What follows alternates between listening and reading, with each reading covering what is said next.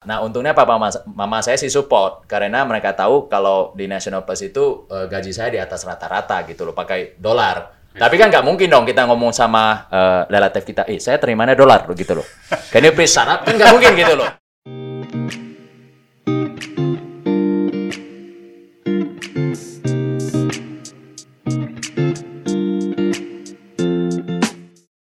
Halo, kembali lagi di langkah pertama dengan saya Kelvin. Saya Wilson. Nah, Son, hari ini kita kedatangan tamu yang berbeda dari biasanya. Oh ya. Seperti kita tahu kan, kalau misalnya nih kita di SMA ya, Hmm. kita ngeliat kan guru-guru kita itu semua kayak low paid Hmm, pembayaran. Maksudnya mereka punya gaji yang sangat rendah, hidup mereka juga pas-pasan seperti itu. Hmm. Nah, naras- narasumber kita hari ini, Hmm. mereka dia berani untuk masuk ke dunia edukasi. Justru berani masuk ke dunia edukasi. Benar. Hmm. Nah, itu yang membuat kita nanya, kenapa? Hmm. Ya kan? Nah, dia juga seorang tamatan terbaik dari University of UNSW, Mhm. dari Aussie, Mhm. ya. Dan yang dia ambil juga bukan main-main jurusannya, nanti kita dengar langsung dari beliau. Nah, mari kita, eh, sebelumnya, mungkin kita pernah undang salah satu edukator juga, Hmm. di episode 3 atau 4 ya. Namanya Inka Sylvia. Mhm. Dia seorang guru piano juga. Ngambil master di Brisbane. Hmm. Nah, sekarang dia fokus untuk mengajar. Nah, untuk teman-teman pendengar kita yang belum pernah dengerin, boleh langsung cek podcast kita. Eh, judulnya Inka Sylvia bukan pianis biasa. Mhm.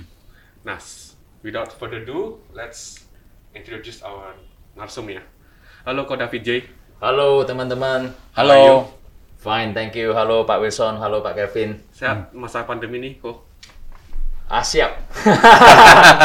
Sehat-sehat semua ya? ya, sehat-sehat. Doing alright, thank you. Nah, sebelum kita masuk ke dunia edukasi nih, Ko, Yep. boleh nggak Koko cerita tentang masa kecilnya berapa bersaudara, edukasinya ke mana-mana aja, kuliah di mana gitu? Backgroundnya. Background, boleh, boleh, sangat boleh. Jadi kalau saya pribadi, saya anak sulung dar- dari tiga bersaudara. Saya mempunyai satu adik cewek dan satu adik cowok. Yang cowok sekarang itu adalah dokter mata di Siloam Hospital. Yang cewek juga doktor di Wow. bidang vision science. Jadi keluarga memang kita itu di bidang kacamata ya.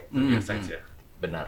Nah, jadi kalau misalnya masa kecil itu saya tinggalnya awal-awal tidak di Medan. Saya tinggalnya itu melalang buana, dibawa ke mana-mana karena papa mama saya si- sibuk di tebing tinggi. Oke. Kita ada toko di sana dulu, toko kacamata. Nah, jadi boleh seb- sebut merek atau tidak boleh? Boleh. Boleh. Oke, nggak apa-apa. Nah, jadi di sana itu ya mereka banyak bisnis kan, sehingga kurang waktunya untuk menjaga kita. Hmm. Jadi saya sama adik saya itu dipisah-pisah. Ada yang dijaga nenek, ada yang dijaga kakek Wow. oleh pihak mama, oleh pihak papa dan Iya, iya, lain-lain iya. begitu. Nah, jadi saya pas berada di tempat di mana saya dijaga oleh nenek, nenek, nenek Iya. eh, papa ya, Oke, oleh mamanya papa gitu. Nah, jadi dan juga neneknya mama. Jadi saya pernah tinggal di Binjai, tebing tinggi, dan akhirnya di Medan. Wow. Gitu loh. Tapi saya masa kecil itu sampai umur 11 tahun tidak tinggal sama family. Oh, But with my grandparents gitu. Wow. wow. Begitu sih. Sebuah pengorbanan yang besar juga itu ya. Jadi waktu se se- 11 tahun itu berarti memang orang tua itu punya usaha dan serius di usaha.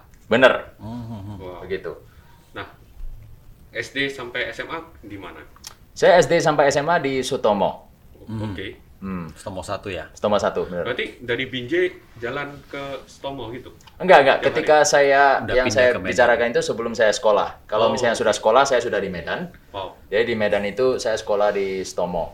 Begitu. Nah, dari awal sampai akhir sebelum saya berangkat ke Aussie itu ya di Stomo. Wow. Begitu. Nah, kuliah tadi kuliah kan di UNSW. Yap. Ngambil jurusan apa nih? Medical Science. Why why why medical science gitu? Iya. Ini ceritanya panjang ya. Kalau misalnya Hmm. kenapa Medical Science itu karena Orang tua kah atau gimana? Em, enggak sih ya. Dulunya malahan kalau misalnya saya ketika di Medan itu ya saya dicap murid pemalas. Habis itu ketika saya ketemu sama guru les saya itu sering dibilang kamu udah makan ikan belum? Jadi yang maksudnya ya kamu itu ya goblok lah gitu lah. Iya, iya. Nah, kurang kurang DHA omega 3-nya kali.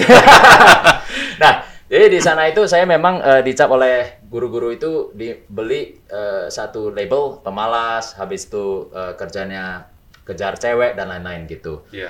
Nah, jadi pada suatu saat saya dikirim ke Aussie. Nah, di sana saya ketemu sama satu mentor, lecturer, profesor yang di mana dia percaya sama saya gitu loh. Nah, dia memberikan encouragement kepada saya dan sebenarnya guru itulah di bidang medical science.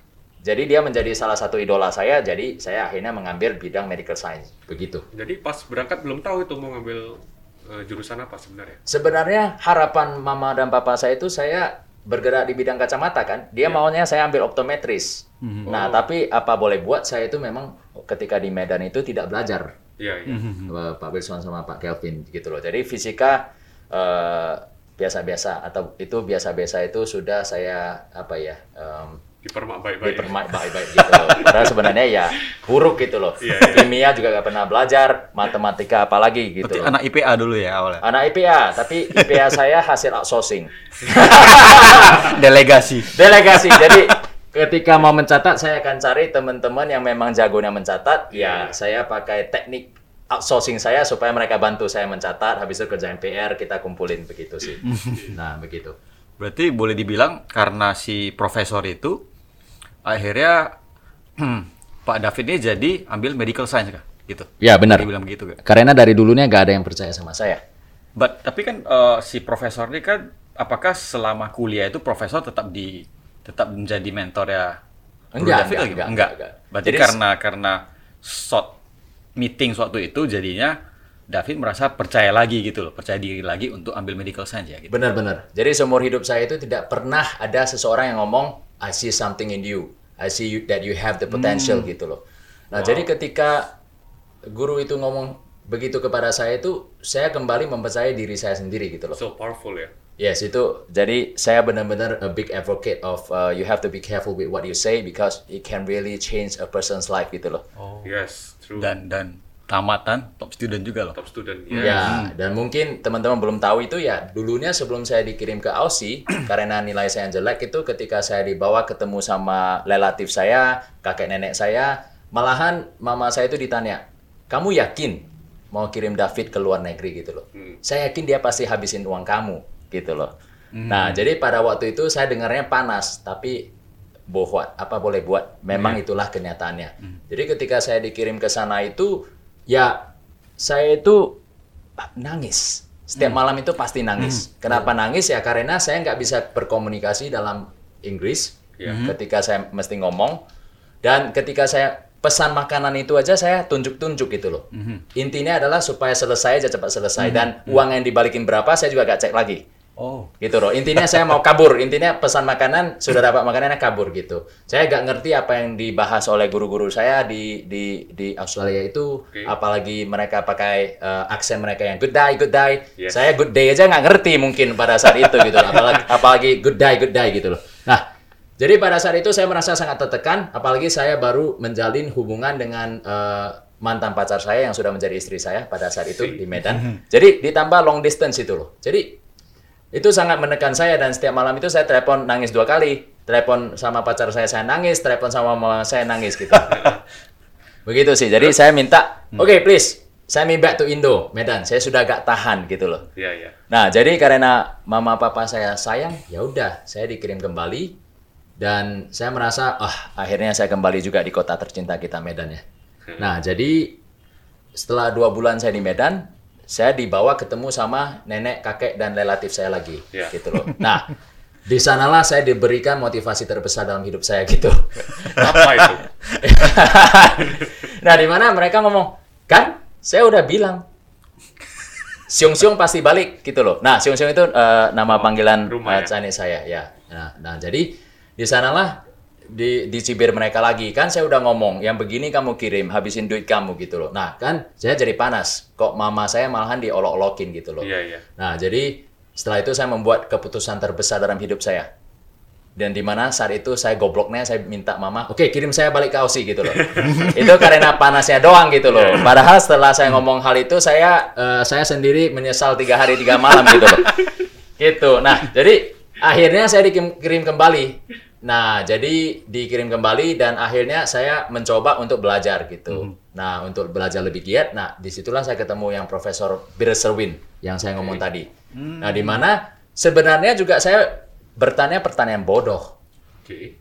Harusnya dia juga dia juga sudah sebel sama saya karena saya menanyakan hal yang sama beberapa kali karena saya memang tidak ngerti. Oke. Nah, tapi dia dengan sabar menjelasinnya dan dia juga bilang intinya kayaknya kamu ada potensi nih. Saya melihat sesuatu di dalam diri kamu. I see something in you. Oke. Saya nggak tahu apakah itu bullshit ataukah itu hanya ngomong belaka supaya saya itu cepat pulang, tapi itulah uh, Tapi yang kamu anggap serius gitu. yes yang membangkitkan kepercayaan diri saya. Mhm. Eh, ternyata nggak semua orang minta saya makan ikan ya, gitu loh.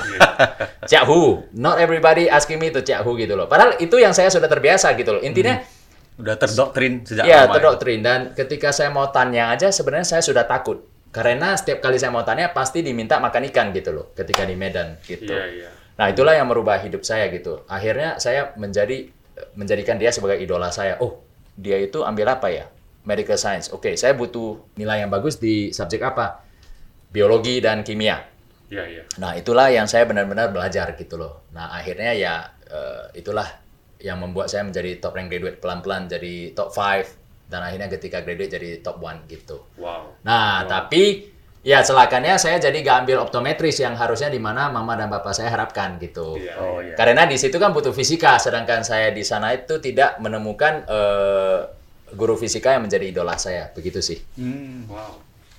menarik ya. Berarti semua karena perkataan itu aja satu kalimat aja Yes, that's- mengubah mengubah nasib lah waktu Yep. kuliah.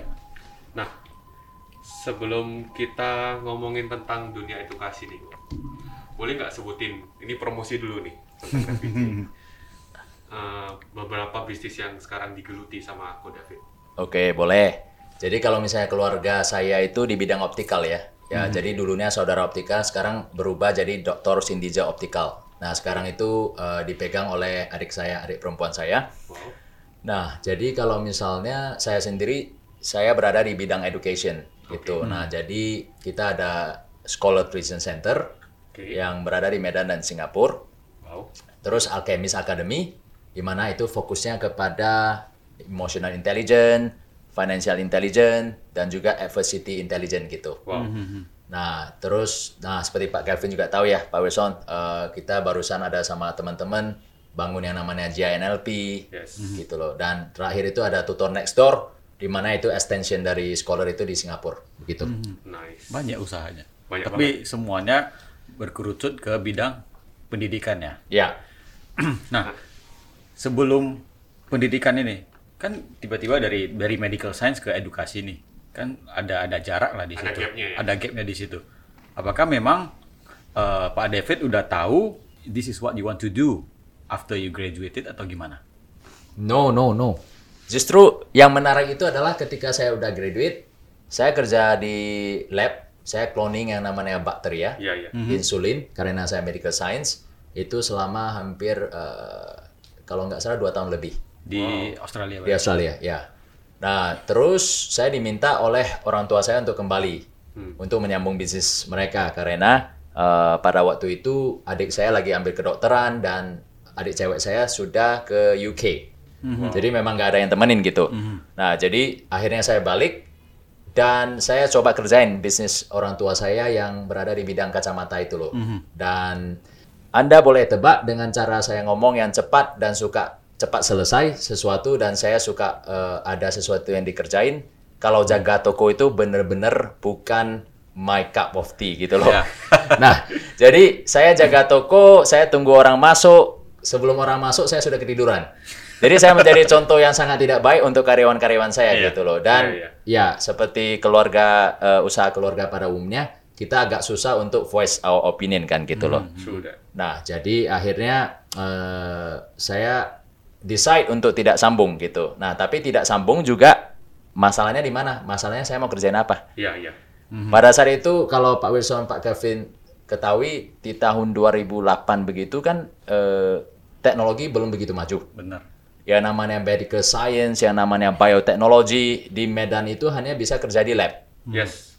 Benar ya? Benar. Di lab kes- kesehatan dan lain-lain dan itu tahulah gajinya itu seberapa. waktu itu nggak kepikiran balik kembali ke Aussie kerja atau gimana? Atau mungkin ke Singapura atau ke mana gitu? I- itu Ada apply? kita saya mau coba apply gitu loh. Nah, cuman pada saat yang bersamaan itu itulah enaknya gitu loh. Mama saya sangat suportif, papa saya sangat suportif gitu. Nah, saya saya sangat percaya ketika saya balik ke Indonesia itu saya ingin membuat gebrakan begitu. Mungkin itu adalah idealisme seorang fresh graduate ya. Yes. Selalu mau Seorang anak muda. Ya, mau gajinya gede, mau sesuatu yang ada gebrakan supaya kelihatan keren gitu loh. Nah, jadi saya ingin coba nih apa sih ya yang bisa eh, bisa kita kerjain di Medan gitu loh. Nah, karena kalau misalnya saya kembali ke Singapura lagi, ya mendingan saya balik ke Aussie gitu loh. Mhm, Nah, kerja. tapi kan karena saya sudah pulang dari Aussie, itu permanen resident sudah juga nggak apply gitu kan. Kalau iya. balik lagi itu banyak lagi kerjaan gitu yang harus dikerjain iya. gitu. Nah, pas juga eh, eh, calon istri saya kan di sini gitu loh. Iya, nah, iya. jadi ada juga hubungan di sana gitu. Kemarin itu gak kepikiran bahwa saya bisa bawa dia ke sana gitu. Iya. Nah, jadi akhirnya saya menghadiri berbagai macam seminar untuk belajar gitu. Saya menghadiri eh, seminar digital marketing, terus eh, saham, self development, apa pun lah gitu yang ke yang lagi hype itu saya hadirin. Jadi saya masa itu memang masa yang menyulitkan karena saya tidak mendapatkan jati diri saya. Tapi dalam hal positifnya, saya jadi banyak menghadiri seminar dan melihat banyak hal gitu loh pada saat itu. Nah, yang mau tanya balik nih ya. Yap. Tadi kan dicibir. Maksudnya nenek juga bilang, tuh kan udah tahu berangkat kan juga ngabisin duit aja. Ya, yap. Nah, pas pulang setelah tamat jadi top student, ada nggak cerita dari nenek atau kakek? Itu lebih parah lagi, Bro. Oh iya, Iya. Kamu sudah tamatan Aussie, mau ngapain di Medan? Loh, harusnya kalau sudah tamat itu kamu bisa menghasilkan banyak supaya papa mama kamu pensiun. Waduh, bro, bro. Itu tekanannya itu luar biasa gitu loh. Jadi kayak eh, fresh graduate ya. iya iya. Kita merasa kita keren, tapi sebenarnya life is just about to begin gitu loh. Iya. Nah, jadi di mana eh, itu luar biasa. Saya ke mana-mana itu selalu ditanya, eh kamu sekarang lagi kerjain apa? Oh, bantu papa. Loh, kamu tamatan Aussie, bantu papa. Oke, terus Ada ketemu lagi ya? di sana. Oh, kamu bantu papa. Terus gebrakan apa yang kamu sudah lakukan untuk toko kamu? Waduh, mak. Gitu loh. Nah, jadi itu benar-benar eh, hidup dalam tekanan sih gitu loh. Ini yang mesti kita apa point out ya sebenarnya untuk orang tua di luar di sana mereka rasa bahwasanya anak-anak setelah tamat kuliah itu mereka langsung hebat langsung sukses. Dan banyak anak-anak juga yang baru tamat kuliah mereka merasa mereka paling hebat.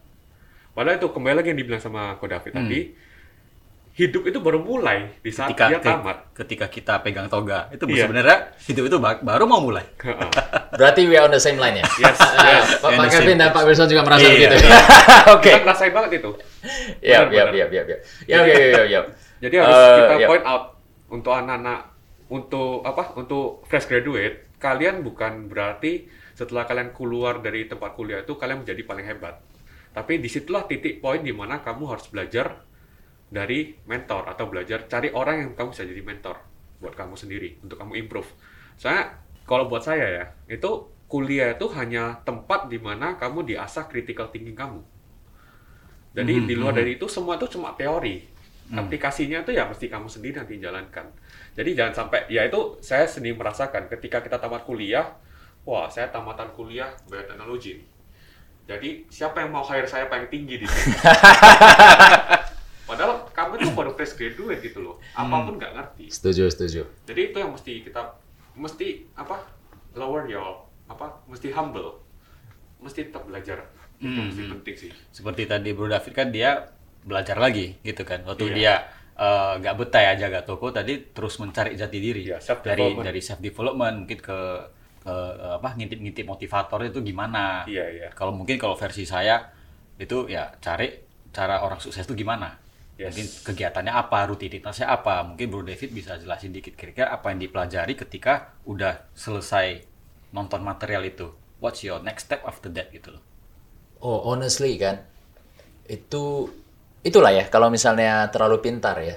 Menurut saya itu, biarpun saya di bidang edukasi itu ya, kadang saya merasa orang pintar itu tidak suka praktek tapi suka teori gitu loh. Iya, iya. Iya, Nah, jadi saya banyak menghadiri banyak-banyak seminar itu ya sekedar lewat. Oh, begitu. Tapi saya nggak pernah mau Iya. mempraktikkan ya. Karena saya ada satu pik- pemikiran atau mindset atau belief bahwa saya itu lebih pintar. Iya. Itu karena mungkin pembawaan saya dulunya itu dari anak murid yang sering dibilang bodoh dan akhirnya bisa jadi top graduate. Nah, itu kan pasti di mana saya menjadi belief dan kadang itu over belief gitu kan. Over belief terhadap myself gitu. Iya, nah, iya. jadi saya banyak menghadiri seminar itu tapi hasilnya nihil sih. Karena saya jarang mau mempraktekkannya dan jarang mau all out gitu loh. Karena saya selalu second question, "I- ini benar orang pintar atau apa gitu loh. Nah, jadi padahal sudah habisin puluhan juta sampai ratusan juta gitu Iya, iya. begitu. Dan jadi itu saya sekedar ingin tahu aja gitu. Jadi saya ke berbagai seminar itu ya saya saya hanya dengar dan saya selalu question orang ini benar atau enggak Iya, gitu loh. iya. Nah, Tapi begitu. coba untuk praktek ya, Ada coba praktek tapi setengah hati setengah hati. gitu. Nah, jadi eh, it didn't get me anything sih. I see. Hmm. Nah, untuk di dunia edukasi ini kok, Yap. berarti yang scholar tadi ya, Hmm. itu udah berapa tahun? Maksudnya di dunia edukasi udah udah bergelut berapa tahun? Oh, saya masuk dunia edukasi itu juga sebenarnya kebetulan ya. Oke. Jadi Boleh ketika ceritain? saya lagi mencari jati diri saya, eh, ketika saya pulang itu kan saya kerja di toko, terus saya eh, kerjanya menghadiri seminar doang gitu. Habis itu saya banyak belajar, tapi nggak praktek sepenuh hati. Di saat itulah di depan saya itu eh, ada yayasan, gitu loh. Oke, depan Kepala rumah ya? yayasan, hah? depan rumah ya? Di depan rumah. Oke. Jadi dia itu kepala yayasan eh, W.R. Supratman. Oh. Nah, di mana pada saat itu dia itu lagi bangun yang namanya Sekolah Nasional Plus. Jadi dia butuh guru, guru bule, dia butuh orang yang ngerti Inggris. Dan pada saat itu karena saya top rank graduate, ya mungkin nama saya ada di website. Jadi dia tanya, ini, ini kamu David ini ya? Saya bilang iya. Eh, kita lagi ada program ini nih, National Plus, yang di mana kamu akan mengajar dalam bahasa Inggris. Aduh, pada saat itu mindset saya gile ini sudah tamatan eh, UNSW, Masih- OC, masih- masih tinggi ya harganya. Beratnya masih tinggi ya? ya, mahal-mahal diminta jadi guru, serius nih, gitu loh. Nah, tapi bagusnya adalah saat itu itu saya ada dua pilihan, di toko jadi patung atau jadi guru. atau jadi guru. Iya. Nah, karena akhirnya juga eh, saya sudah bosan banget ini di, to- di toko dan juga eh, ide kita itu susah tersalurkan. Ya udah, akhirnya saya terima job itu dan saya mulai mengajar. Nah, di situlah eh, that is how my education career begin gitu loh. Jadi just by coincidence gitu. Dari orang tua gimana? Nah, Dari orang tua, kalau dari papa dan mama saya support, tapi yang yang yang nggak support itu banyak dari sekeliling gitu loh. I see, I see. Begitu. Nah, jadi dari relatif dan juga mungkin kakek nenek itu mereka sayang loh ya, bukan Iya, iya. bukan nggak sayang ketika mereka kasih motivasi yang saya ngomong sebelumnya yang di mana dia bilang, nah David kan nggak bisa atau gitu, ya mungkin bagi mereka itu motivasi. Sebuah motivasi. Dan Iya. kalau nggak ada mereka juga nggak ada saya hari ini. nah, cuman mungkin caranya yang kurang tepat gitu. Iya, benar. Tapi tepat pada saat itu. Nah, jadi ketika saya jadi guru ya, bro, guru zaman dulu itu diasosiasikan apa? Naik motor. Hmm. Di Medan itu kita naik motor ya, habis itu hitam-hitam, habis itu belang-belang gitu loh. Iya, iya, nah, iya. belang loh, bukan hitam loh ya. Kalau hitam seperti Pak Wilson masih keren gitu loh. gitu kan kayak artis Hong Kong itu. kalau belang-belang ya. Ah, belang kan? Maksudnya pakai motor kan belang tangannya gitu Ah, kan. iya, iya. Nah, jadi akhirnya ya dicipir sama relatif. Ah, kamu ini ya memang anak gak berguna. Tamatan Aussie jadi guru.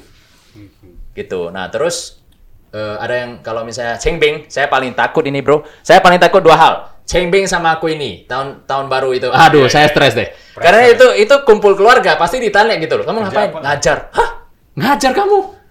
Aduh, kamu habisin duit papa mama kamu aja udah sekolahin jauh-jauh, sekarang kamu pulang ngajar lagi gitu loh. Iya, iya. Nah, jadi itu deh susah. Nah, untungnya papa mama, mama saya sih support karena mereka tahu kalau di National Plus itu eh, gaji saya di atas rata-rata gitu loh, pakai dolar. Tapi kan nggak mungkin dong kita ngomong sama eh, relatif kita, eh saya terimanya dolar loh gitu loh. Please shut up? Kan nggak mungkin gitu loh. Ya kita ya ya ya aja kan anak-anak Medan itu ya harus selalu patuh kan gitu. Iya, iya. Nah itu sih, jadi benar-benar tertekan sih. Jadi karena di kamu kayak gak ada prestisnya gitu loh. Ketika ketemu teman-teman, semua orang panggil kamu lause. Waduh, stres saya. Itu dulu saya gak bangga gitu loh. Saya malah nggak suka. Ih, kok Iya. panggil saya lause gitu loh. Udah lau kan tua kan. Iya. Selagi kayak gak keren banget deh gitu. Itu awalnya gitu. Iya, iya. Nah, kita masuk nih ke dunia bisnisnya. Mm. Boleh nggak diurutin? Dari kapan, tahun berapa scholar eh, Yang mana ada duluan, mana ada kemudian yang duluan? ter- terbaru apa? Tahun-tahun gitu. berapa gitu. Biar kita bisa keep track nih. Oh, bisa. Jadi ketika saya udah ngajar ya selama lebih 8 tahun, Oke. itu eh, seperti yang sudah saya bahas sebelumnya kan guru itu selalu diasosiasikan dengan eh, low paid job. Yes. Masalahnya adalah sebagai orang tua, kita itu bayarnya mahal sekali. Benar. Benar ya untuk pendidikan anak-anak dan anak-anak itu everything to us. Yes, setuju. Benar ya? Setuju. Kita akan berikan segalanya. Ya. Pendidikan paling mahal, semuanya paling mahal. Nah, bayangkan Pak Kelvin sama Pak Wilson, kita sudah bayar mahal-mahal, tapi yang ngajar anak kita itu setengah hati. Iya. Kenapa? Bukan mereka mau setengah hati, tapi guru itu ya memang kalau misalnya gaji nggak cukup, dia harus pikir harus ngapain lagi gitu What's loh. next, Jadi ya. yes, mereka itu gak all out dalam mengajar anak kita. Gak semua guru gitu ya, tapi pengalaman saya karena saya menjadi guru se- sendiri itu saya jadi guru 8 tahun. Hmm. Jadi saya bisa eh, melihat teman-teman saya para guru-guru itu ngapain gitu. loh. Mereka inginnya ngajar doang, tapi kalau Hmm, sampingan misalnya sebagai sampingan. ada yang memang suka ngajar, Oh. tapi karena kantong itu tidak mencukupi dan harus ada kebutuhan yang harus dibayar itu, ya dia terpaksa harus Cari eh, jual online lah, harus eh, Iya, iya. haru- harus ngajar les lah, gitu loh. Iya, nah, iya, jadi itulah yang terjadi kadang-kadang kan, kalau misalnya ada anak yang komplain, kok ini guru teranginnya setengah-setengah di sekolah, Karena bayarnya setengah-setengah. Ah. harganya.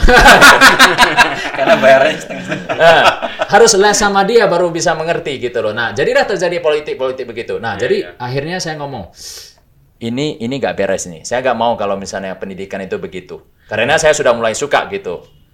Dan juga mungkin ini related juga dengan bagaimana saya bisa berubah dari eh, murid yang bodoh jadi yang cukup oke gitu loh. Karena satu kata kan. Iya. Nah, jadi saya ingin merubah sebuah sistem ini. Jadi saya kontak nih teman saya yang di Singapura. Ini engineer. Engineer tamatan eh, scholarship di eh, salah satu universitas ternama di Singapura. Oke. Nah, namanya John ini, teman partner saya. Saya telepon, John, John, eh, bagaimana kalau kita ngajar aja? Dia awalnya juga gak mau, karena gaji dia itu... Karena ju- engineer kan tinggi. Yes. Dan dia bilang, asal saya OT aja itu bayarannya tinggi loh. Jadi dia itu kerja di salah satu eh, software software company gitu loh. Nah, di mana dia itu ada dua shift. Nah, kadang itu dia bisa kerja shift malam, kadang, kadang bisa kerja shift pagi dan lain-lain. Dan kalau kerja shift malam itu bayarannya gila-gilaan. Dan Iya, kalau misalnya 10.000 ribu tembus lah per bulan. Wow. Eh, Singapura dolar ya. Nah, jadi saya bujuk dia terus. Kenapa? Karena kalau misalnya saya mau buka les, saya itu cuma bisa kimia sama biologi. Ya. Saya butuh seseorang yang bisa ngajar fisika, Fisika. sama mata karena Iya. itu yang di, yang Mafia. menjadi eh, mafia kan yang Iya, dulunya mata fisika kimia. Jadi saya cuma bisa kimia, fisika eh, mata itu siapa gitu loh. Nah, jadi saya bujuk terus bujuk terus. Jadi saya jual mimpi lah ke dia. Eh, nanti kita bisa gini gini gini. Dia bilang bener nggak ini gitu. Karena kita sudah teman dari kecil. Hopeng, akhirnya dia menyetujui Pulang dia ke Medan. pulang. Wow. Dan kita mulai skor itu di tahun 2009. Mau tahu gaji kita itu kita ambil dari scholar ketika tahun 2009 itu berapa? Saya masih ingat satu juta seratus ribu rupiah. Wow. Bagi saya sih gak apa-apa. Saya masih kerja di sekolah. Iya, iya. Bagi Pak John itu Dari itu 10.000 satu juta seratus ribu gitu loh. Dibandingkan apa yang dia didapatkan di Singapura itu benar-benar gila deh. Dan pada saat itu kita salah lokasi nih. Kita ngajar sesuatu yang internasional, tapi kita pilih di daerah Serdang yang gak ada na- international Ya, school. ya, ya. Nah jadi benar-benar Salah marketing. Iya salah marketing gitu loh. ya itu kan sudah tak barusan fresh graduate tapi jago. pernah belajar yang begini-begini gitu loh. Sok jago Iya, iya. gitu loh. Intinya dulu itu kita merasa kalau kita bagus orang pasti cari kita gitu loh. Nah jadi itu kita struggle di tahun 2009 itu saya rasa satu tahun deh. Wow. Di mana dia ambil eh, satu juta seratus. Nah tapi bagusnya itu eh, John itu orang yang bisa melihat vision gitu loh. Nah kita udah plan benar-benar kita mau melakukan ini dan kita setuju bahwa kita mau merevolusi bisnis edukasi di mana kita mau orang the best yang mengajarin anak-anak gitu loh Iya, iya. gitu. Nah, jadi kita mau membagi lebih kepada guru-guru kita. Jadi dia itu serius mengajar dan kita bisa membuat edukasi ini ke arah yang lebih baik begitu. Yes. Nice. Begitu. Nah, jadi 2009 ada mulai ada ada scholar ya.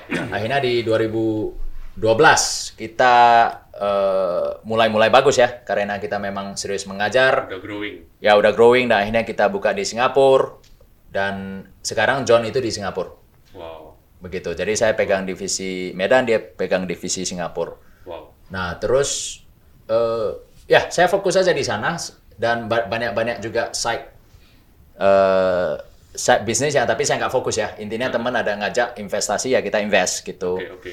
dan eh, yang main fokus itu tetap scholar sampai di tahun 2020 di di mana saya selama perjalanan membuat scholar itu saya merasa loh kok banyak ya murid saya itu yang saya merasa punya potensi Heeh. belajarnya sudah oke tapi kok ujiannya blank Oke. Hmm. dia nggak ingat apa yang dia pelajari Ya.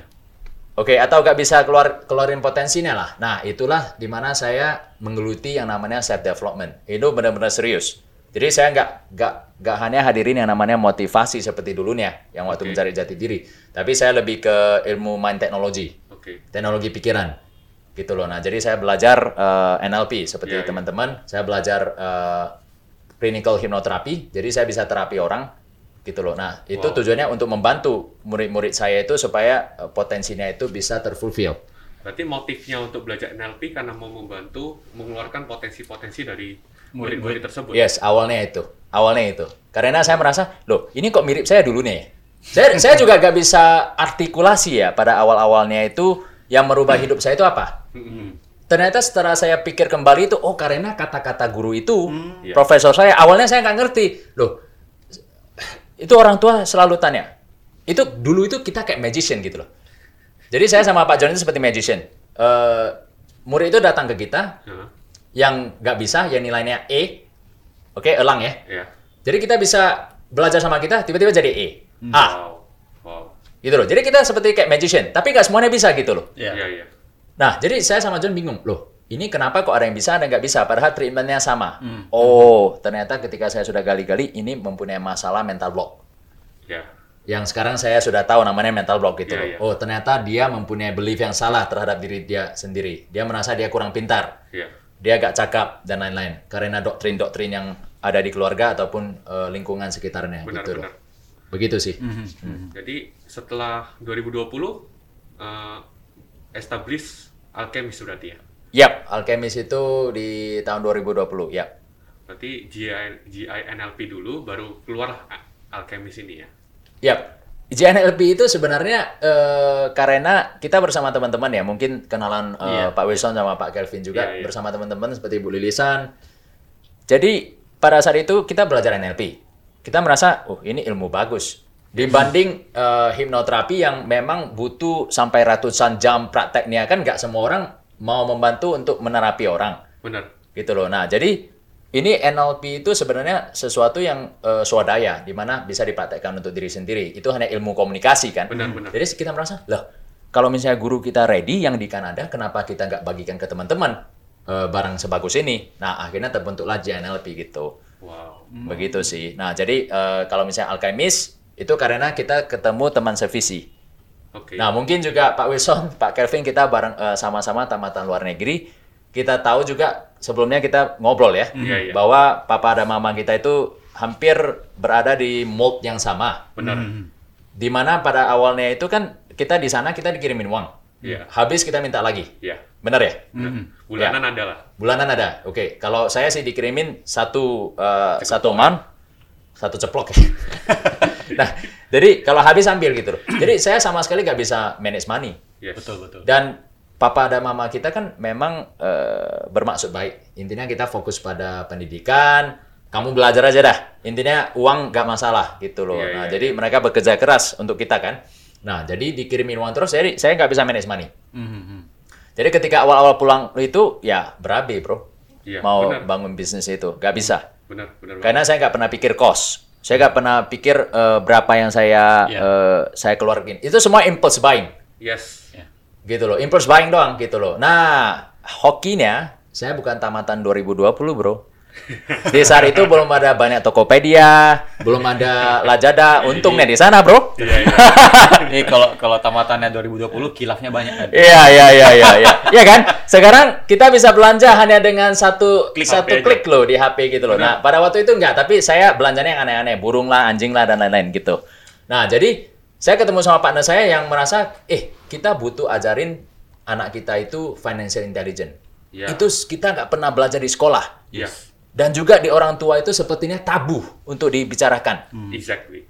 Gitu loh. Nah, Iya. jadi oh ini gimana ya? Akhirnya itulah yang saya eh, praktekkan setelah saya belajar sama para pakar-pakar contohnya kayak Pro eh, Wilson tadi ngomong Robert Kiyosaki, Dave Ramsey, Anthony Robbins itu kan banyak mengajar eh, personal Development. finance ya, personal Hmm, personal finance. finance. Nah, itulah akhirnya yang sudah saya praktekkan dan saya ingin mengajarnya kepada anak-anak gitu loh. Karena sekarang itu kalau misalnya kita nggak mengerti yang begini, saya rasa susah. Mhm. Begitu. Nah, jadi Alchemist itu di 2020 fokusnya itu di financial intelligence, Oke. terus emotional intelligence dan adaptability intelligence. Wow. Karena di era sekarang yang dibutuhkan adalah bagaimana kita bisa adaptasi dengan cepat. Iya, karena terlalu cepat. Moving Yes. fast Jadi nowadays. eh, kalau boleh tahu kan, jadi misalnya alchemist ini kan something new ya untuk Yap. untuk di untuk di dunia pendidikan terutama di Medan. Yes. Di mana lahirnya alchemist itu karena ada problem atau background di mana mostly family kita itu agak tabu berbicara soal uang. Hmm. Nah, jadi waktu alchemist hadir di Medan itu untuk awal-awal untuk bisa katakanlah prospek orang tua orang tua baru ini untuk bisa memasukkan anaknya ke alchemist itu menemui banyak kesulitan nggak kira-kira? Kalau misalnya untuk orang tua yang memang sudah eh, contohnya Pak Kelvin kan dan Pak Wilson juga ada di dunia self development. Itu gampang banget. Mereka sudah otomatis mengerti, oh ini deh yang saya cari-cari gitu. Nah, tapi kalau misalnya untuk orang awam itu agak susah menjelasinnya. Iya, iya. Kok- kalau misalnya kita mau menjelasin emotional intelligence itu tidak gampang loh. Saya nggak emosian kok. Emosi kan biasa gitu loh. Nah, Iya. itu itu yang susah kan. Padahal sebenarnya yang kita ingin sampaikan satu hal. If you want to be successful in life ya, contohnya kita bahas saja. Kenapa kita bisa impulse buying? Hmm. Karena emosional. Pertama, yes karena emosi itu. Kedua, karena tidak mempunyai financial knowledge. Yang pertama, yang paling mengganggu itu sebenarnya emosi. Emosi. Emosi kita ingin beli, ingin tampil, ingin keren, Hmm. gitu loh. Iya, Nah, itulah yang kita, kita ingin ajarkan. Karena saya adalah firm believer adalah kalau kamu seberapa pintar pun mengenai financial, tapi kalau misalnya belief kamu dalam hal emotional intelligence tidak setara, itu susah. Imbalance ya. Sebenarnya- Imbalance, ya. banyak loh seperti yang Bro David bilang itu ada beberapa teman saya itu dia tamatan finance, Yes. tapi personal finance-nya berantakan. benar. Ada. It's like so ironic ya Yes. kan? Benar. Jadi, oh kamu kerja di mana? Oh, saya kerja di like big firm gitu-gitu. Mungkin di Amerikanya juga kerja, tapi begitu udah sampai eh kok personal finance kacau gitu loh. Yes, yes. Terus nanya, kok lu kan udah kerja nih di bidang finance, kok kok gak, kok gak lu buka usaha finance sendiri jadi financial consultant? Oke, enggak, gue belum sampai level situ. Why? Eh, sebenarnya personal finance gue kacau gitu. Iya, iya, iya, iya. Itu lebih ke emosi Iya. sih, makanya itu kita gabungkan. Mm-mm. Oke. Nanti mungkin kita ngomong lebih, lebih lanjut lagi ya tentang alchemist ini. Menarik banget nih. Menarik. Mm. Yap, yap. Karena aku udah pernah preview sendiri tentang programnya waktu itu, makanya hari ini aku pengen bener-bener korek di situ. silakan, silakan. Jadi, nah kita balik lagi dulu flashback sesuai dengan judul podcast kita, langkah pertama. Mm-mm. Nah, boleh nggak Ko David cerita tentang bagaimana langkah pertama untuk memulai scholar dulu? Apa yang benar-benar tapak pertamanya itu apa sih? Gitu. Yes, itu pertanyaan luar biasa dan saya rasa banyak sekali yang dialamin eh, anak-anak muda sekarang ya, Iya, Mm-mm. Em, yang dinamakan overthinking. iya, iya. Jadi dulunya itu loh, makanya saya bilang kalau misalnya anda adalah seorang tamatan universitas, mungkin itu kita bisa relate, di mana semua itu harus perfect sebelum anda mulai. Iya. Apakah anda merasakan hal salah? Sama? Sama. Iya. Sama ya, karena eh, apa yang saya rasakan itu ya sebelum saya memulai bisnis itu saya sudah pikiran A sampai Z. Iya. Iya. Oh, kalau ini terjadi gimana? Akhirnya overthinking dan saya rasa eh, deh. sebelum saya memulai scholar ya, Iya. 80% semua bisnis yang diajak saya tolak. Karena udah overthinking duluan. Iya, saya overthinking. Biarpun banyak dari itu yang sukses loh. Iya. Wow. Gitu loh. Nah, tapi saya overthinking. Loh, kalau ini gimana? Kalau itu gimana? Kalau itu gimana? Gitu loh. Nah, jadi akhirnya saya sampai pada satu poin di mana saya merasa, ah, something is wrong with me deh. Gitu loh. Mm-hmm. Nah, saya overthink everything gitu loh. Jadi saya nggak start. Dan akhirnya saya bilang, oke, sekarang mindset saya adalah saya start duluan. Yang penting saya sudah pikirkan ya, 80% chance bisa. Ya udah, saya akan kerjain itu. Kalau misalnya gagal nanti baru baru dipikirkan gitu loh. Nah, Solusinya. yes. Jadi akhirnya saya rubah mindset, saya start dulu. Nah, makanya sekarang itu kok tiba-tiba banyak sekali yang saya kerjain gitu loh. Iya, iya. Ya, gitu loh. Nah, karena saya sudah mempunyai mindset di mana oke, kalau misalnya saya merasa ini eh, ada benefit untuk saya, untuk teman saya yang berada di bisnis itu dan juga kalayak orang ramai, saya akan kerjain. Oke, wow. Oke. Begitu. Nah, terus mengenai apakah ini bisnis bisa gagal atau eh, atau atau bisa bertahan lama itu saya saya gak akan pikirkan lagi sekarang gitu loh. Tapi eh, first step is the most important gitu loh. Karena seperti tadi yang kita bahas-bahas sebelum podcast ini, Iya. apakah saya percaya namanya passion itu tidak. Why? Karena menurut saya itu kalau bukan coincidence atau ke ke eh, yang terjadi di mana pas yang yayasannya di depan dan mengajak saya jadi guru, saya gak ada di bidang edukasi. Benar. Hari Dan- ini nggak akan diedukasi. Saya hari ini gak akan diedukasi dan kalau anda tanya saya sebelum saya jadi guru, apakah passion saya itu mengajar ya tidak. Nah tapi ternyata ketika saya mulai mengajar saya jadi suka gitu loh. Wow. Nah, jadi saya ngomong sama eh, anak didik saya dan juga teman-teman yang masih muda sekarang itu, kamu jangan pikir banyak. Intinya, kamu mau cari passion saya, kamu ya. Kamu harus coba banyak hal yang berbeda. Oke. Hmm. Baru bisa. Ya. Gitu loh. Nah, tapi yang kebalikan yang saya karena saya sering eh, konsultasi, eh, training dan juga terapi orang, banyak orang yang merasa sekarang itu saya nggak mau kerjain sesuatu kalau itu bukan passion saya. Nah, pertanyaan saya itu bagaimana Anda tahu? Iya, Kamu kalau nggak coba. Yes. Iya, iya. Ya dia bilang saya belum suka loh. Kamu udah coba belum? Saya pikir aja udah udah gak suka itu gak bisa. Iya. Good. Nah, jadi saya ada pertanyaan. Tadi kan uh, Bro David ngomong soal mindset. Jadi dari mindset lama ini ke mindset baru. Hmm, hmm. Gimana caranya?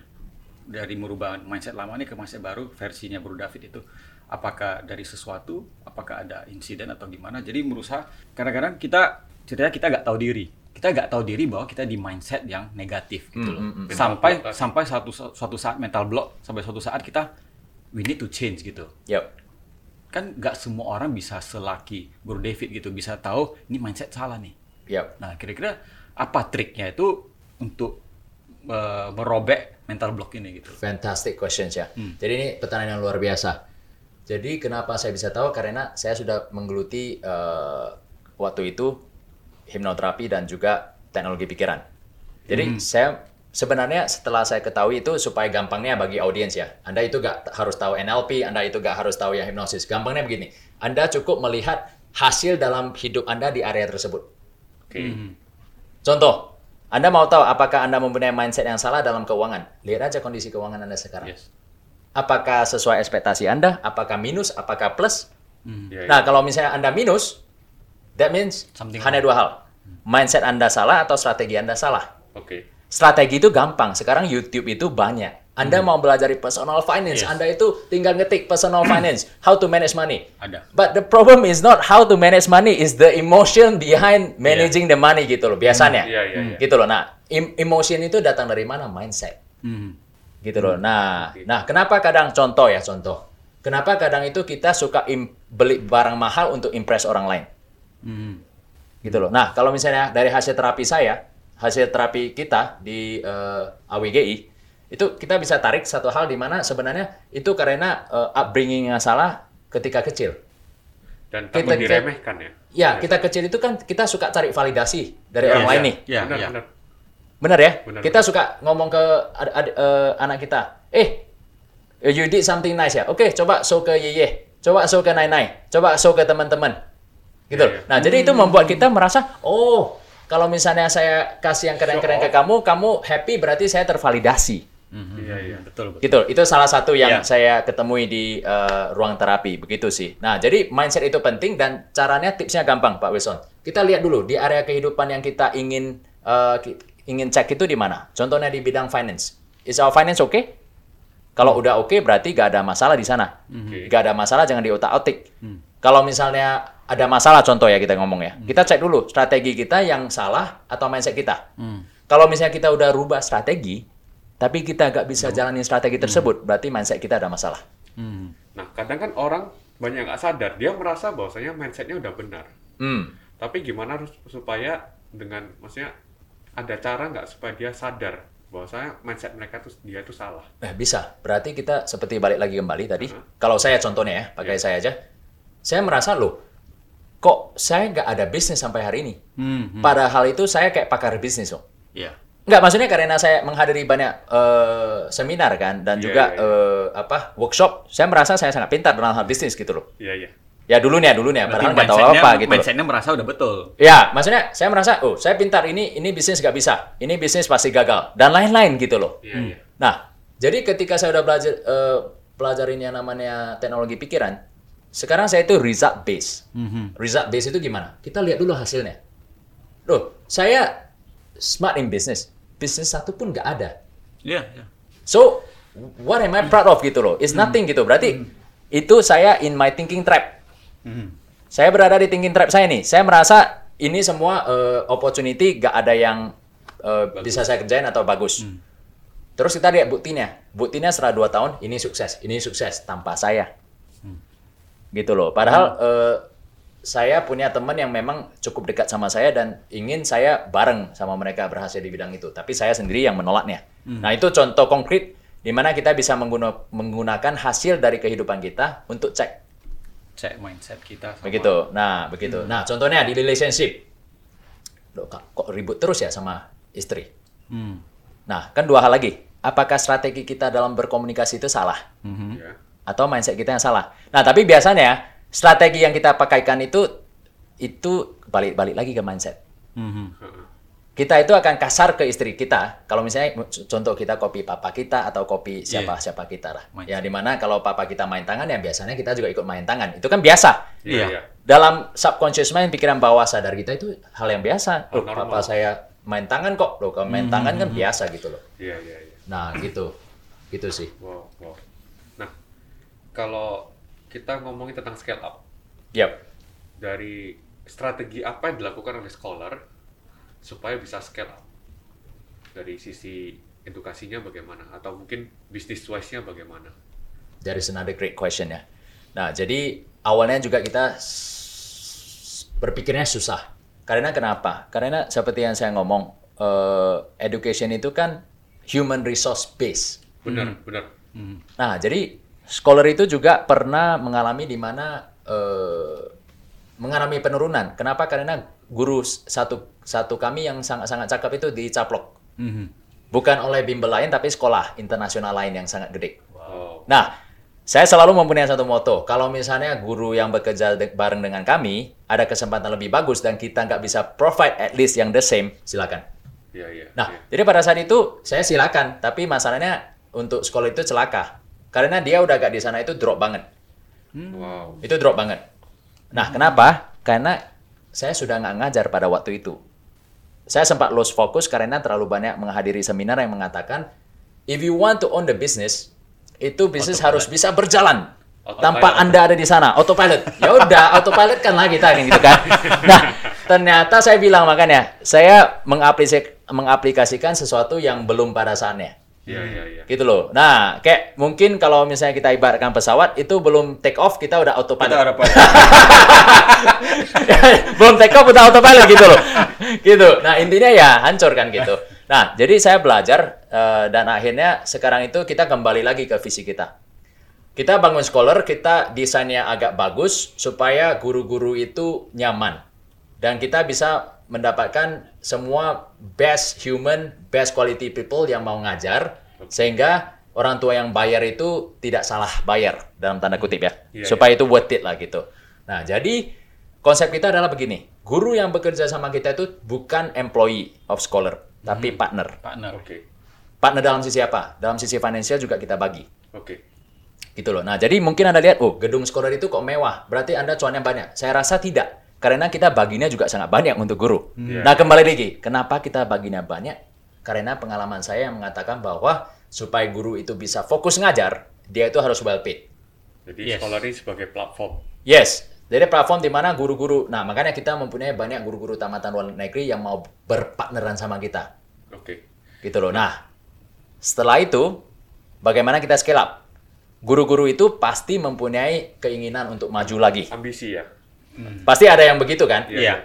Nah, kalau dia ingin buka lagi, kita bersedia menjadi partner dia. dengan nama scholar. Yes. Wow, nice. Itu itu sudah kita itu, itu visi kita. Jadi kita sudah ngomong. Nah, apakah it- itu sudah terrealisasi? Sudah. Divisi sekolah nasional yang berada di Sumatera dan Sedang itu dulunya nggak ada. Oke. Itu di tahun 2018 kalau nggak salah itu terbentuk. Dan partner kita itu adalah mantan guru kita yang sekarang sudah menjadi partner kita. Jadi cara scale up saya gitu ya begitu. Di mana eh, guru kita itu akan menjadi partner kita, di mana akan bangun lebih lagi dan pada suatu saat eh, ini akan kalau kita boleh mengomong jamur yang bagus. Kita Iya, menjamur di mana-mana, tapi memang gurunya itu memang sudah fokus dalam hal itu. Yang Gitu. memang berkualitas ya. Berarti Yes. boleh dibilang misalnya eh, cara cara kerja cara kerja partner ini udah sesuai SOP baru bisa untuk membuka cabang scholar di baru tempat ya. yang lain gitu. Benar, yes. Berarti sebenarnya kalau mengajar ya sebagai guru itu pun rupanya ada SOP-nya, Vin. Iya, iya. Iya kan, berarti ada SOP-nya bahwa pasti dong eh, kalau Bro David kalau saya salah boleh uh, correct me if I'm wrong gitu. Berarti kalau misalnya untuk satu guru yang baik untuk bisa mengajar the student yang biasa-biasa menja- menjadi baik itu berarti ada SOP yang jelas. Ya. Berarti ada ada ada ada Kurikulumnya ya? kurikulumnya atau gimana. Seperti itu ya. Yep. Hmm. Oke. Nah, ini yang kita mau apa? eh, sistem strategi dari Kodavit ini benar-benar beda. Mm-mm. Orang biasanya kalau membuat bisnis adalah customer oriented. Ya. Benar ya? Nah, di sini Kodavit ini malah dia itu bagaimana dia enrich eh, pengajar-pengajarnya dulu. Mm-mm. Saya kenapa? Ketika pengajarnya ini kuat, pengajarnya ini bagus, secara nggak langsung customer itu bakal datang, datang sendiri. Hmm. That is fantastic summary. Yeah. Thank you. I never thought ya? about it that way. Oke, kayak pas tadi dengar wah, Ya. Ini satu cara strategi yang saya kenapa orang selalu berpikir bahwa saya customer, customer, customer. Kita cari gimana dapat customer paling banyak. Tapi kita nggak pernah mikirin tentang uh, human resource kita. Itu nah di sini yang difokuskan adalah human resource kita dulu. Guru-guru kita Hmm, hmm, kuat nggak ini? Bagus nggak? Kok bagus? Itu orang bakal datang secara sendirinya. yep. Wow. Karena modal modal dalam tanda kutip modal dikeluarkan oleh Bro David adalah di guru-gurunya. Iya. Yep. Bukan fokus ke customer gitu loh. Yep. Uh, Sebenarnya saya fokusnya pada customer adalah ketika Anda bayar, it is worth it. Gitu aja.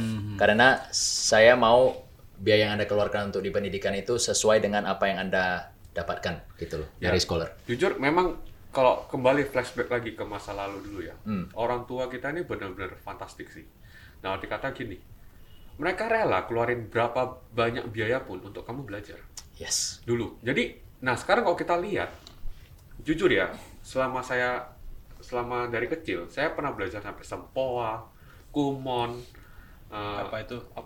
banyak Apa itu? banget lah yang yang ingat nomor lagi tuh. ingat nomor segala macam lah. Itu semua kelas pernah saya ikutin Yes. jujur yang saya ngerasa bener-bener worth it sampai sekarang yang saya pakai itu kumon itu yang saya sampai sekarang saya teman-teman dulu kan saya tinggal Surabaya kumon udah masuk waktu Surabaya waktu itu pas pindah Medan belum ada masuk sekarang akhir-akhirnya mulai menjamur teman saya ada beberapa nanya eh kumon bagus gak sih bagus itu saya langsung bilang bagus Hmm.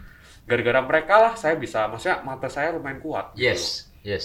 secara nggak langsung karena SOP yang mereka ajarkan cara mereka ngajarin bukan cara cepat semua tapi dia membuat bagaimana kamu bisa cepat ketika kamu melakukan repetisi dan saya jadi promosi kumon pula jadi Gak Jadi- apa-apa.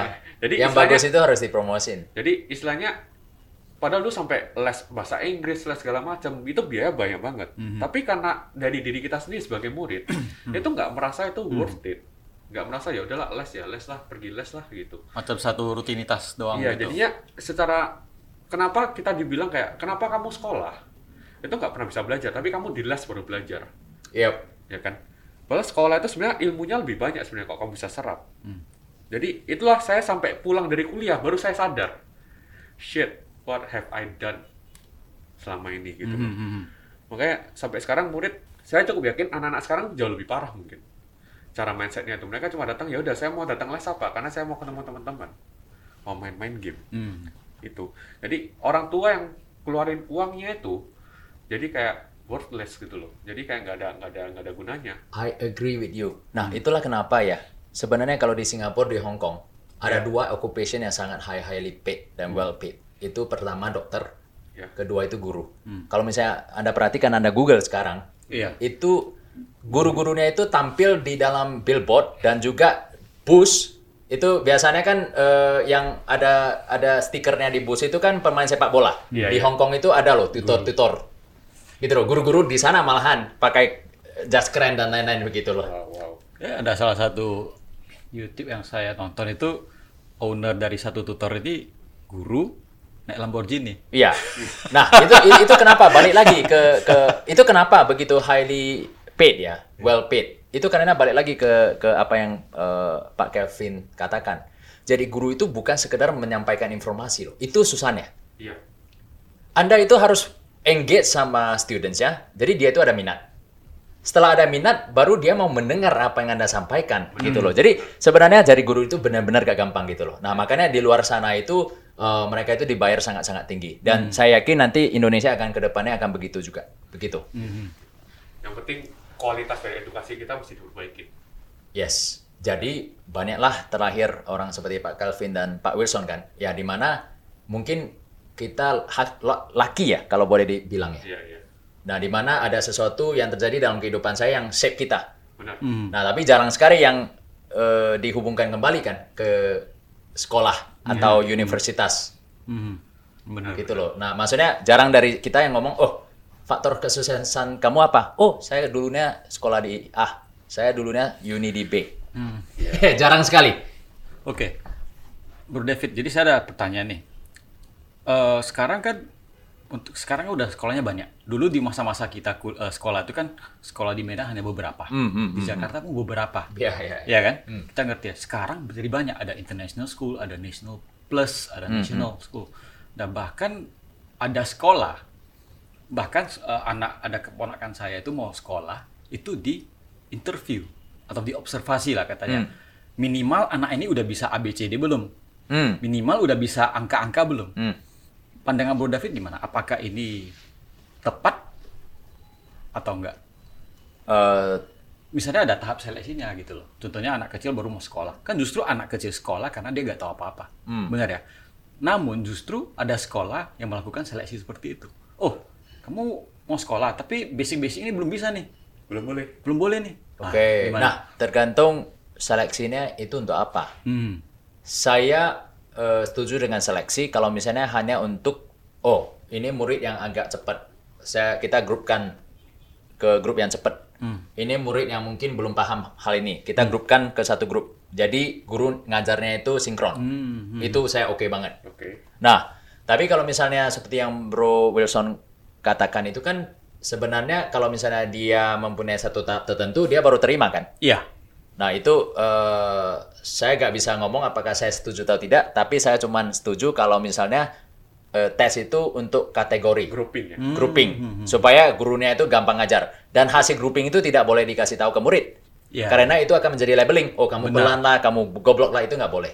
Oke. itu hanya untuk pure internal supaya benar-benar murid tersebut itu mendapatkan perhatian yang the best gitu loh. Nah, ini di dunia edukasi ini kan terlalu banyak dibuat parameter ya. Istilahnya kayak kamu umur sekian sampai sekian udah harus seharusnya bisa membaca, sudah harusnya bisa menulis. Jadi sebuah barometer jadinya untuk sebuah anak. Sedangkan setiap development anak-anak ini kan berbeda-beda. Nah, yang membuat sampai kayak dilakukannya banyak research, dilakukan banyak apa namanya research terus keluar jurnal bla bla bla tentang anak ini umur sekian harus gini, anak sekian harus gini. Menurut pandangan Ko David bagaimana? Hal begini itu cocok nggak? Atau kita harus sebagai orang tua kita melihat anak kitanya perkembangannya oh anak ini cepatnya di sini lebih bagus kita fokuskan ke sana atau memang kita harus ngikutin barometer-barometer ini gitu kan. Mhm. Oke, saya rasa kalau barometer itu untuk eh, bicara itu penting ya, karena anak-anak itu eh, language learningnya itu cepat itu ada saat-saat tertentu ketika lahir. Masalah sekarang itu adalah kenapa ini menjadi fokus, karena orang tua itu saking sibuknya, itu bukan hanya kerja loh, sibuk sama handphone juga. Iya, Iya, Nah, benar. jadi apa yang terjadi adalah kita kurang kurang komunikasi dengan anak yang ketika kecil. Jadi anak anaknya itu main sama boneka atau main-mainan sendiri. Jadi kurang stimulasi. Mhm. Itu kalau golden period-nya sudah lewat, dia akan susah ngomong. Tiga tahun ya, golden period ya kalau salah. Eh, tergantung sih ya. Tergantung. Eh, research itu ada yang berbeda-beda. Tapi yang research yang harus diperhatikan itu kalau misalnya researchnya itu memang research dari jurnal yang bisa dipertanggungjawabkan, kita harus ikutin. Tapi saya belum melihat eh, jurnal yang di mana mereka eh, ngomong, oke di usia ini kamu harus bisa eh, kalitung atau apa itu Iya. itu sebenarnya saya belum belum lihat ya kalau misalnya belum baca ya kalau misalnya eh, Pak Kelvin ada boleh dikirim ke saya. Iya. Tapi yang saya boleh sarankan itu adalah ada satu eh, buku yang sangat bagus itu Teach Like Finland Oke. Finlandia. Iya. Itu kan Finlandia itu adalah eh, yang the best untuk saat ini dalam versi eh, Education ya? versi education di mana the world itu dia itu number one. Happiest country juga ya. Ya benar Happiest gitu loh. Nah jadi mungkin itu bisa menjadi pacu, eh, acuan kita. Begitu sih. Hmm. Wow, wow. Sekarang kan misalnya kayak kita kita tahu lah ya, mungkin waktu kita SD 2 udah diajarkan kali-kali. Hmm. Sedangkan kalau kelas 2 belum bisa kali-kali perkalian, kayak dianggap Bodoh. bodoh. Hmm. jadinya macam ada suatu naik level gitu, ada ada ada levelnya. Kayak main game jadinya istilahnya anak-anak ini. Oh, kamu udah SD 2 nih, udah mesti kali-kali.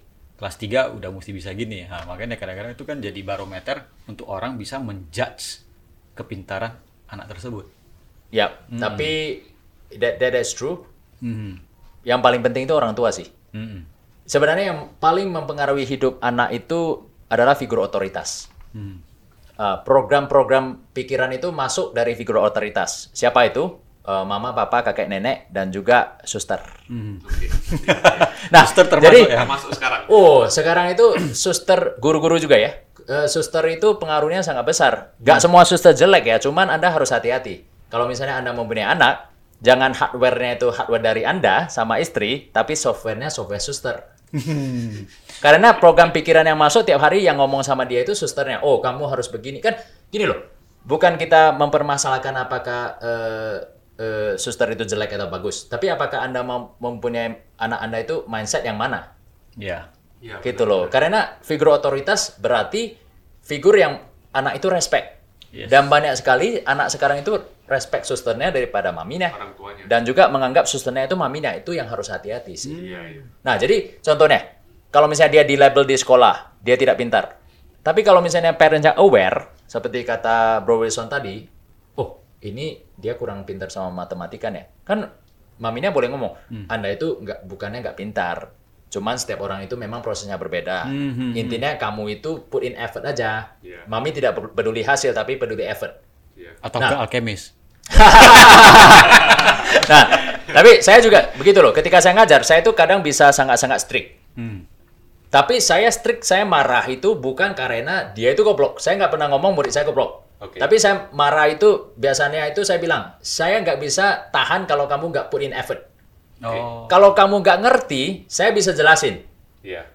Gitu loh. Nah, tapi kalau misalnya saya kita jadi guru kan sudah ngerti nih, Bro. Yang mana benar-benar itu dia dia bertanya itu karena dia nggak ngerti atau memang dia nggak review. Ah. Iya, iya, Iya. iya. Gitu loh. Nah, jadi saya nggak tanya begitu. Nah, jadi apakah eh, berarti saya mau supaya nggak salah paham di podcast ini, banyak yang parent mengatakan, oh berarti sekarang saya harus baik-baikin ya anak-anak saya. Hmm. Saya nggak boleh marah. Itu nggak. Justru Anda boleh marah di hal yang tepat. Tapi jangan mar- marah pada identitas dirinya. Contohnya, dia berbuat salah. Kamu bilang aja, your action is not acceptable. Iya. Bukan kamunya loh. Hmm. Your action. Yes. Jadi kita disosiasikan kan, gitu loh. Yang kita iya. belajar bareng di di NLP itu loh. Iya, nah, iya, jadi iya. yang jelek itu ya ininya kamu bisa perbaiki. Bukan orangnya. Yes, tapi kalau sudah orangnya itu susah kan? Eh, kamu orang jahat. lo ya udah tetap jahat gitu loh. Nah. Tapi kalau misalnya action yang kamu buat itu kurang tepat, you can change it. Ya udah selesai. Iya. Hmm. Begitu sih. Caranya. Nah, yes. Ja- Jadi saya jelaskan di sini karena banyak sekali orang yang eh, setelah saya kem- kemarin itu ke podcast yang eh, yang satu temennya lagi eh, ada pertanyaan begitu. Oh, jadi harus maksudnya baik-baik aja ya sama anak saya, gak boleh marah. Ada juga yang sekarang yang ekstrim loh, gak pukul, gak marah, semuanya gak boleh. Iya, iya, benar. Itu salah juga. Iya. Gak, bukan salah sih ya, kurang tepat gitu loh. Tergantung actionnya yang konteks. kurang tepat. Yes, konteks harus ada gitu loh. Iya.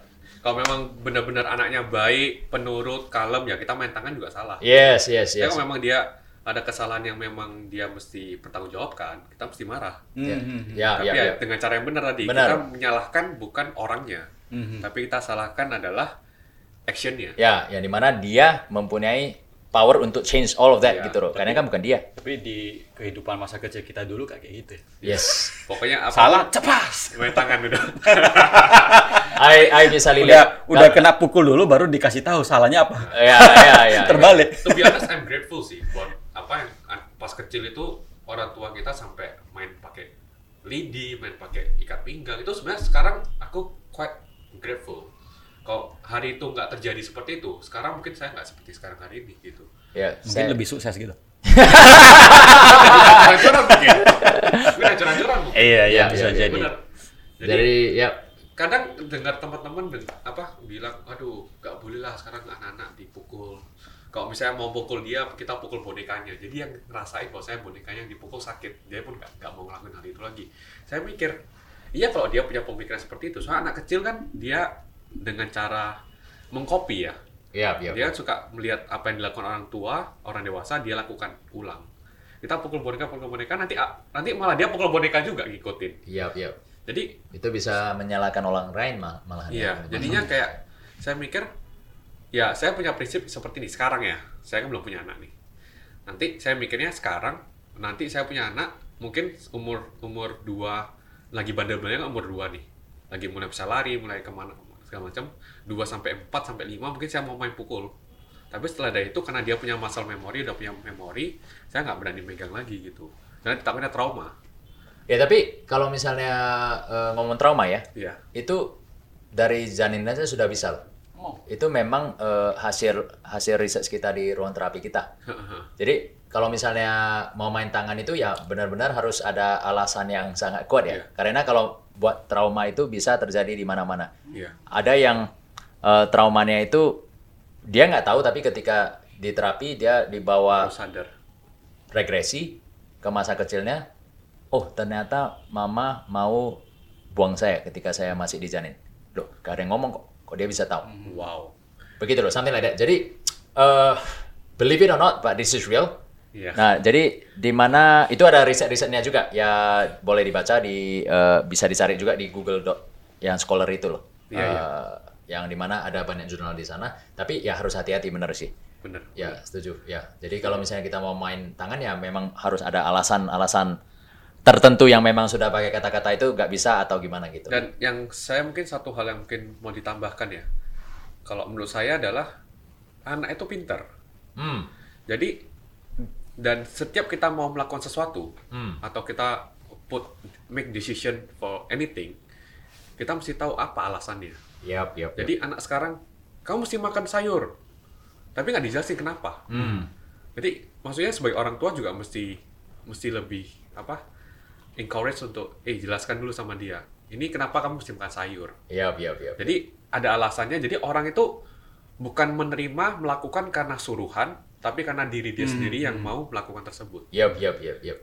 Itu yang kayak banyak kayak dulu kecil kan, ma kenapa nggak boleh kayak gini? Pokoknya nggak boleh lah. Ah. Pokoknya kamu denger mama aja itu udah bener gitu. Jadi kayak kita nggak kita jadi ombang ambing ini bener atau enggak sih? Kita bener atau enggak sih? Pokoknya habis tamat kuliah kamu pulang lah. Jadi kerja apa? Pulang lah. Ya. Itu itu kadang orang tua itu pasti ada baiknya gitu. Ya. Iya. Ya, cuman ya begitu. Setuju sih. Ya kita yakin bahwasanya kita kita nanti sebagai orang tua juga kita mau yang the best for our children ya kan cuma caranya kita mesti nah inilah di masa sekarang ini cukup bersyukur adalah teknologi benar-benar mudah Yes. sebuah kita informasi sebuah edu apa education kita bisa dapat dengan sangat mudahnya Yap. gitu Seperti podcast ini kan? Iya. Makanya kami juga beruntung bisa ngajak Bro David untuk sharing-sharing. Thank Benar. you, thank you. Iya. It's my honor. Nah, kita lanjut lagi ke konteks kita lagi ya. Mungkin ada nggak sih eh, momen-momen yang berkesan yang sekarang kok bisa kita, kok David coba cerita sedikit deh tentang ada nggak kesan-kesan pas ngajar atau Misalnya- momen yang sangat-sangat Lowest point-nya gimana? Heeh. Atau ya happiest point lah. Iya. Highest point itu Ini gimana? dalam hal mengajar Dalam atau hal dalam mengajar. hal eh, Perjalanan bisnis? mengajar? mengajar. Mengajar.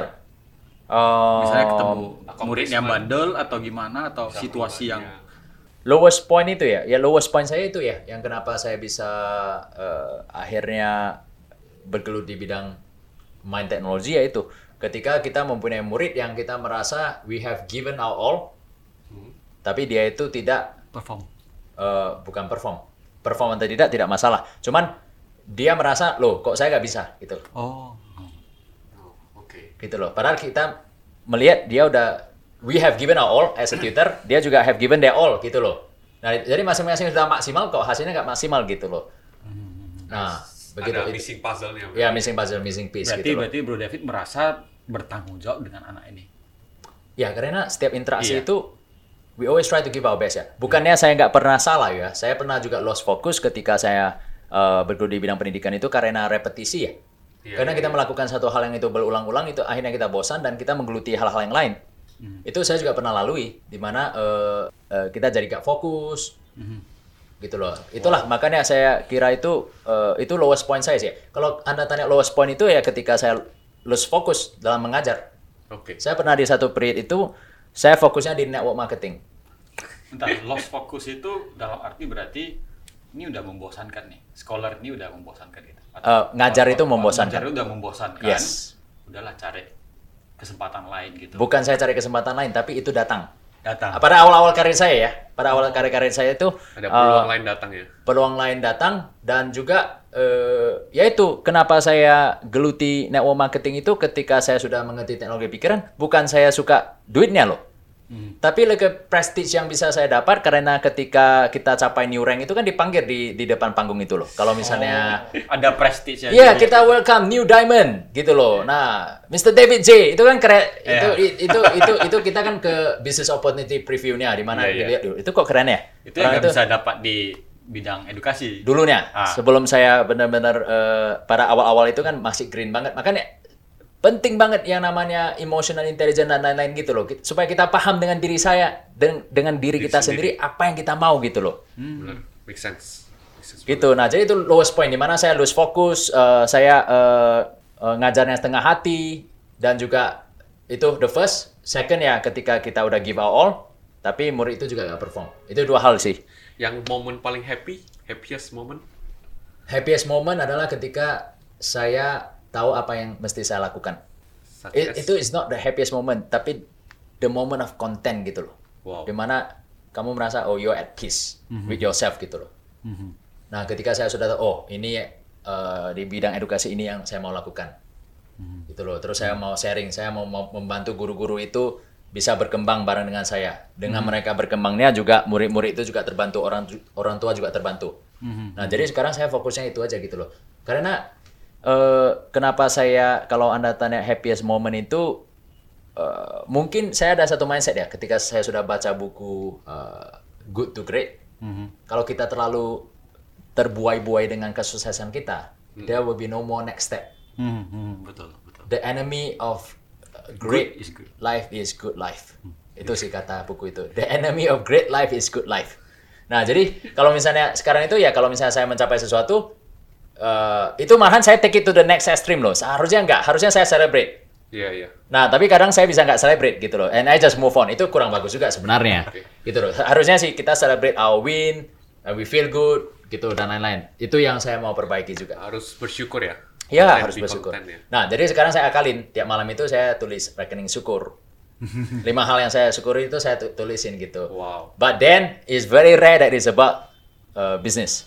It's very rare. Biasanya ya, Personal. ya it's, it's about my wife, my children, that kind of thing. Gitu. Jurnal ya berarti ya. Jadi Ya journal, but thank you for reminding gitu loh. Kalau misalnya ya berkat podcast ini, saya merasa ah ternyata saya kurang uh, bersyukur nih terhadap kesuksesan yang saya capai high point high point gitu loh Wow. dalam hal bisnis Jadi begitu. ngomongin soal high point, like what do you see yourself in the next five years gitu?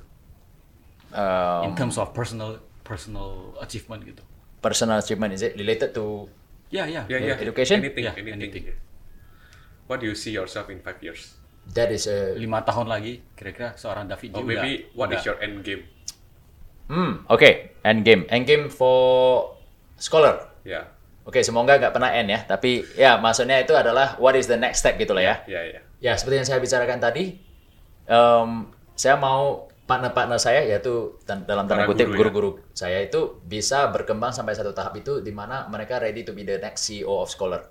Jadi Scholar itu bisa di mana-mana dan kalau dalam hal anda tanya saya dalam hal business sense, when are you able to retire? Saya akan bisa retire ketika saya mempunyai banyak CEO di bawah saya yang memang udah ready untuk gantiin saya. Hmm. Wow. Gitu. Jadi ini bukan Amazing. ini bukan satu plan yang di mana seperti dulunya, di mana company itu belum ready, saya langsung lepasin. Iya, iya, iya.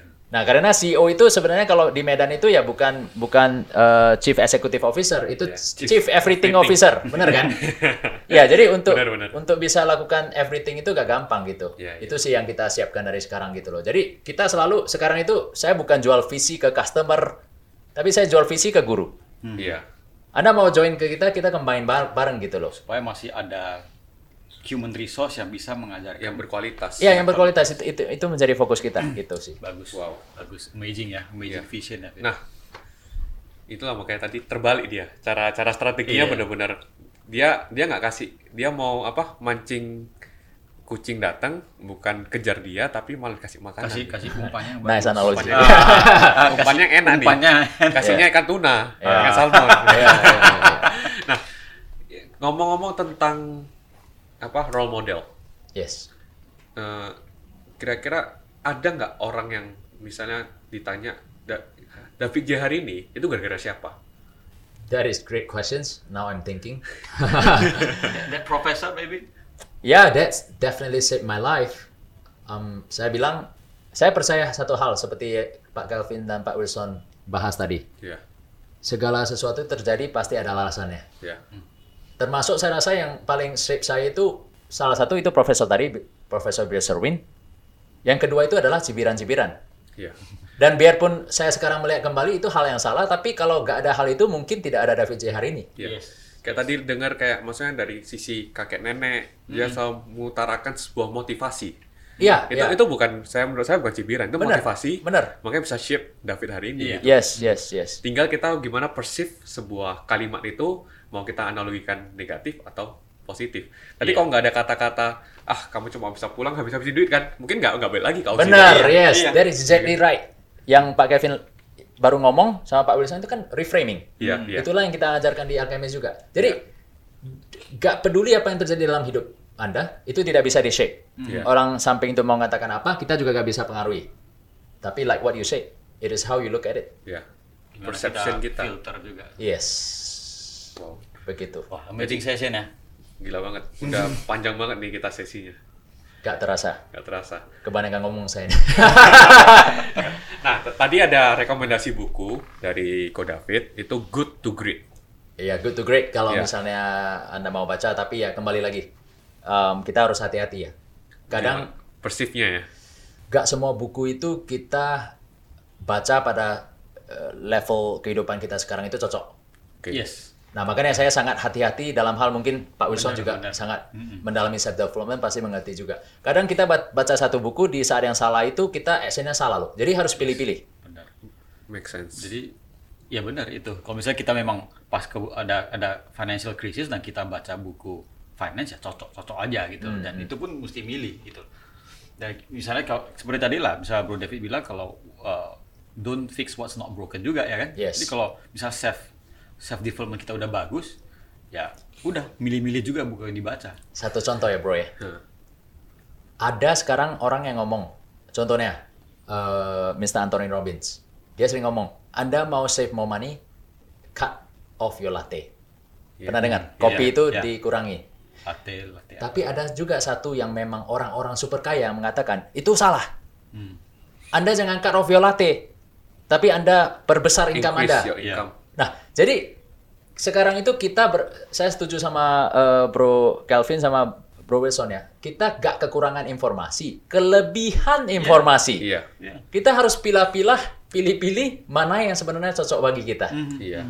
Begitu sih saya rasa. Options udah banyak. Yes. Tinggal kita mana apa menentukan mana yang cocok dengan kita. Yes, begitu sih. Jadi sekarang itu banyak kubu juga yang berbeda-beda gitu loh. Iya. Jadi kalau misalnya eh, Anda tanya kepada saya, mana yang benar?